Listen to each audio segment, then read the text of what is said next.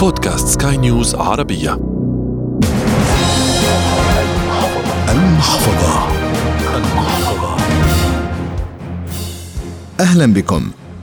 الخوف من المستقبل من الناحية الاقتصادية هو السمة الأبرز هذه الأيام لكن مع كل ما يمر به العالم من أزمة اقتصادية هناك بصيص أمل لانتهائه على خير وما نعيشه اليوم في ظل بيانات التضخم الأمريكية التي تجاوزت التسع نقاط والإجراءات التي تقوم بها الولايات المتحدة لكبح جماحه والخوف الكبير من أزمة الغذاء الطاقة التي تعصف بالعالم بسبب الحرب الروسية الأوكرانية. كل هذا يدعو للقلق خاصة فيما يتعلق بقوت الأفواه.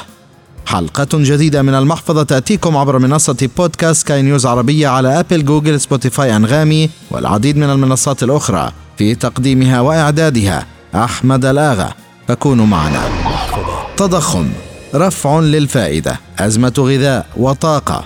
أوروبا مهددة بشتاء يجمد الدم في العروق. أزمة حبوب ودول تغلق حدودها في وجه صادراتها. مفضلة رفع سلتها الغذائية على التصدير. كلها إجراءات تجعلك تفكر مليا بالمستقبل المادي. والأسبوع الماضي كان هناك انخفاض لليورو مقابل الدولار. أول ما تفكر به هل بدأت العملات تفقد قيمتها؟ وعلى أي أساس أصلا يتم تسعير هذه العملات؟ كيف ولماذا تنخفض؟ المختصون دائما تكون نظرتهم أعمق لهذه الأحداث. دائما إذا بدي أحكي عن العملات لازم أبلش بخبرية إنه تحليل العملات مثل دولار ويورو دولار وين دولار والباوند يختلف كليا عن تحليل العملات في البلدان اللي عملتهم ثابتة مثل في دول الخليج مثل في لبنان مثل في مصر في أغلب الدول العربية. لأنه في البلاد العملات ثابتة للدولار مثلا أو لليورو بتكون العملة محددة هي ثابتة محددة حسب قديش في احتياط عملات أجنبية ببنك المركز. أما بتحليل العملات اللي بتكون متحررة متحررة معناته هي معرضة للعرض والطلب العالمي والعرض والطلب العالمي هي مرتبطة بمؤشرات اقتصادية كثيرة. أولا ال expectations توقعات المستقبلية الثقة الشفافية والفائدة والفائدة المستقبلية. فدائما بالعملات اللي بتكون يورو دولار أو يورو ين دائما العملة هي relative نسبه نسبيا مع العملة الأخرى. نسبي شو يعني نسبي؟ يعني مثلا أنت قد تكون اليورو. لم تفعل شيء سيء. يعني أنت مثل ما أنت ما تغير شيء وفجأة تصبح الصبح أنت انخفضت. أنت ما انخفضت. الدولار هو اللي ارتفع. فنسبيا للدولار تعتبر انخفضت. لهيك دائما لما بنحكي عن دولار ويورو أو يورو وين أو دولار وين دائما بنقول ارتفع الدولار أو انخفض اليورو. يا هيك يا هيك لأنه هي القصة نسبه الدكتورة ليال منصور الأكاديمية والخبيرة المالية والاقتصادية ترى أن هبوط اليورو مقابل الدولار ما هو إلا عملية تصحيحية وفي نهاية المطاف سيرتفع. اللي حصل هي نحن عندنا أزمة اقتصادية عالمية. فالكل عم بينأذى. كل الدول العالم والمتقدمة عم تنأذى. الأزمة العالمية هي أزمة النفط أزمة الغاز أزمة ال energy يعني الطاقة. إنأذت ألمانيا وألمانيا هي موتور هو ال generator تبع Europe. التضخم العالمي عم بيسحق السوق العالمي كله. اللي حصل إنه بنك المركز الأمريكي كان عنده ردة فعل سريعة جدا. رفع الفائدة كذا مرة. بالوقت إنه أوروبا لسه مستنية آخر الشهر. بعد ما عملت هالخطوة القدام لأنه أوروبا كتير بتخاف من ارتفاع الفائدة ومن التضخم.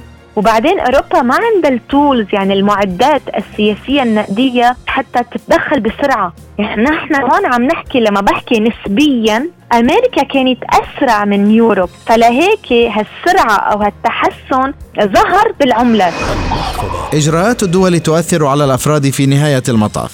لكن يبقى الشخص محتارا في ظل هذه الظروف ليتجنب الكوارث الاقتصادية. كأفراد تختلف إذا كان حدا مستثمر أو شخص فرد شخص يعني آه، مثل آه، آه، حضرتك بتقول مثلا ولا أخويا ابني. فالأفراد اللي هم منهم businessman يلي منهم مثلا بالبورصة إذا ممكن يقولوا okay أنا بشتري هلأ يورو وبنام عليهم بنسى واللي حيرجع يرتفع لأنه أكيد رح يرجع يرتفع اليورو. هذا شيء أكيد. ولكن الوقت الوقت الزمن إذا حدا منه بالبورصة بيقدر يستنى. أما إذا كان شخص بالبورصة. شو بيفرق ال... ال... الشخص العادي عن البورصة؟ البورصة أنت عم تشتغل يوم بيوم. ما في شيء واحد بيقول أنا بشتري سهم يلا وبنام وبستنى بكرة بعد سنة أو سنتين لا. كل يوم أنت لازم تعمل عملية بيع وشراء وبيع وشراء وكل يوم نعم. تأخر أو عدم تداول وإذا كنت توقعاتك مش مثل ما أنت توقعت ممكن تعمل لك خسائر. أما الفردي اللي هو منه business ومنه بال finance قال لك okay أنا معي فلوس. هلأ اليورو رخيص أنا ممكن أشتري هلأ أو حي أشتري بعد شوي حينخفض أكثر ولما ي... لما يرتفع يمكن بعد شهرين ثلاثة يمكن بعد سنة برجع ببيعهم فهون بتختلف ال analysis إذا أنت فرد شخص عادي مواطن أو أنت بال finance هناك مقولة بأن الكاش في اليد هو الأقوى. لكن الدكتورة منصور تفضل الذهب في أوقات الأزمات. يعني اللي عنده كاش أنا أنا شخصيا قليل أجاوب بهيك أسئلة يعني كأنه أنا نصائح للأشخاص إذا عندهم كاش أو شو بيعملوا. بس أنا أنا بقول إنه إذا شخص غير businessman عنده عنده آه، أموال ممكن يستثمر بالذهب لأنه هو فعلا الذهب بنطلع. لو قد ما انخفض دائما هو عنده مسار صعودي لو بينخفض بتكون انخفاض مؤقت ولكن المسار الصعودي على الزمن على عبر عبر الأزمن. okay؟ أو بالعملات برجع بقول إنه اليورو حينخفض ممكن يوصل ل 0.9 أو 88 مثلا بس بده يرجع ياخذ عفيه ويرجع يطلع. الخوف من انهيار الدولار التي تربط به دول كثيرة عملاتها مقابلة يبقى الشبح الأكبر. لكن بمفهوم الاقتصاديين الانهيار ليس انهيارا بأن يصبح بلا قيمة. لكن بأن تقل هذه القيمة مقابل العملات الأخرى. الانهيار للدولار ما بدنا ننسى أنه بال2000 بعد 2008 و2009 الدولار كان بأوطى مستوى مقارنة باليورو. اليورو كان 1.6 آه، يعني آه، ما هي دائما هي مقارنة هي دائما نسبيا. يعني مثلا إذا صار شيء يمكن جيوسياسي بين أوكرانيا وأوروبا لأنه ما ننسى أنه أوكرانيا وأوروبا هن تقريبا هي عالم واحد. صار شيء بين أوكرانيا وأوروبا وروسيا. لصالح Europe نسبيا للدولار حيرتفع اليورو بطريقة سريعة جدا. فنسبيا هي مقارنة نسبيا للدولار. ممكن ساعتها الدولار تبين إنه انخفضت. برجع بقول الدولار يمكن ما ينخفض بس ارتفاع اليورو بنشوفها كأنه انخفض الدولار.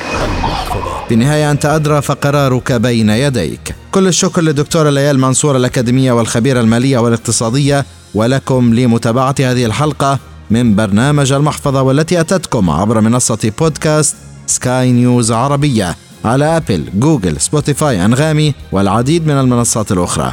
تقبلوا تحيات أحمد الآغا من الإعداد والتقديم وغسان أبو مريم من الإخراج الإذاعي. إلى اللقاء. المحفظة.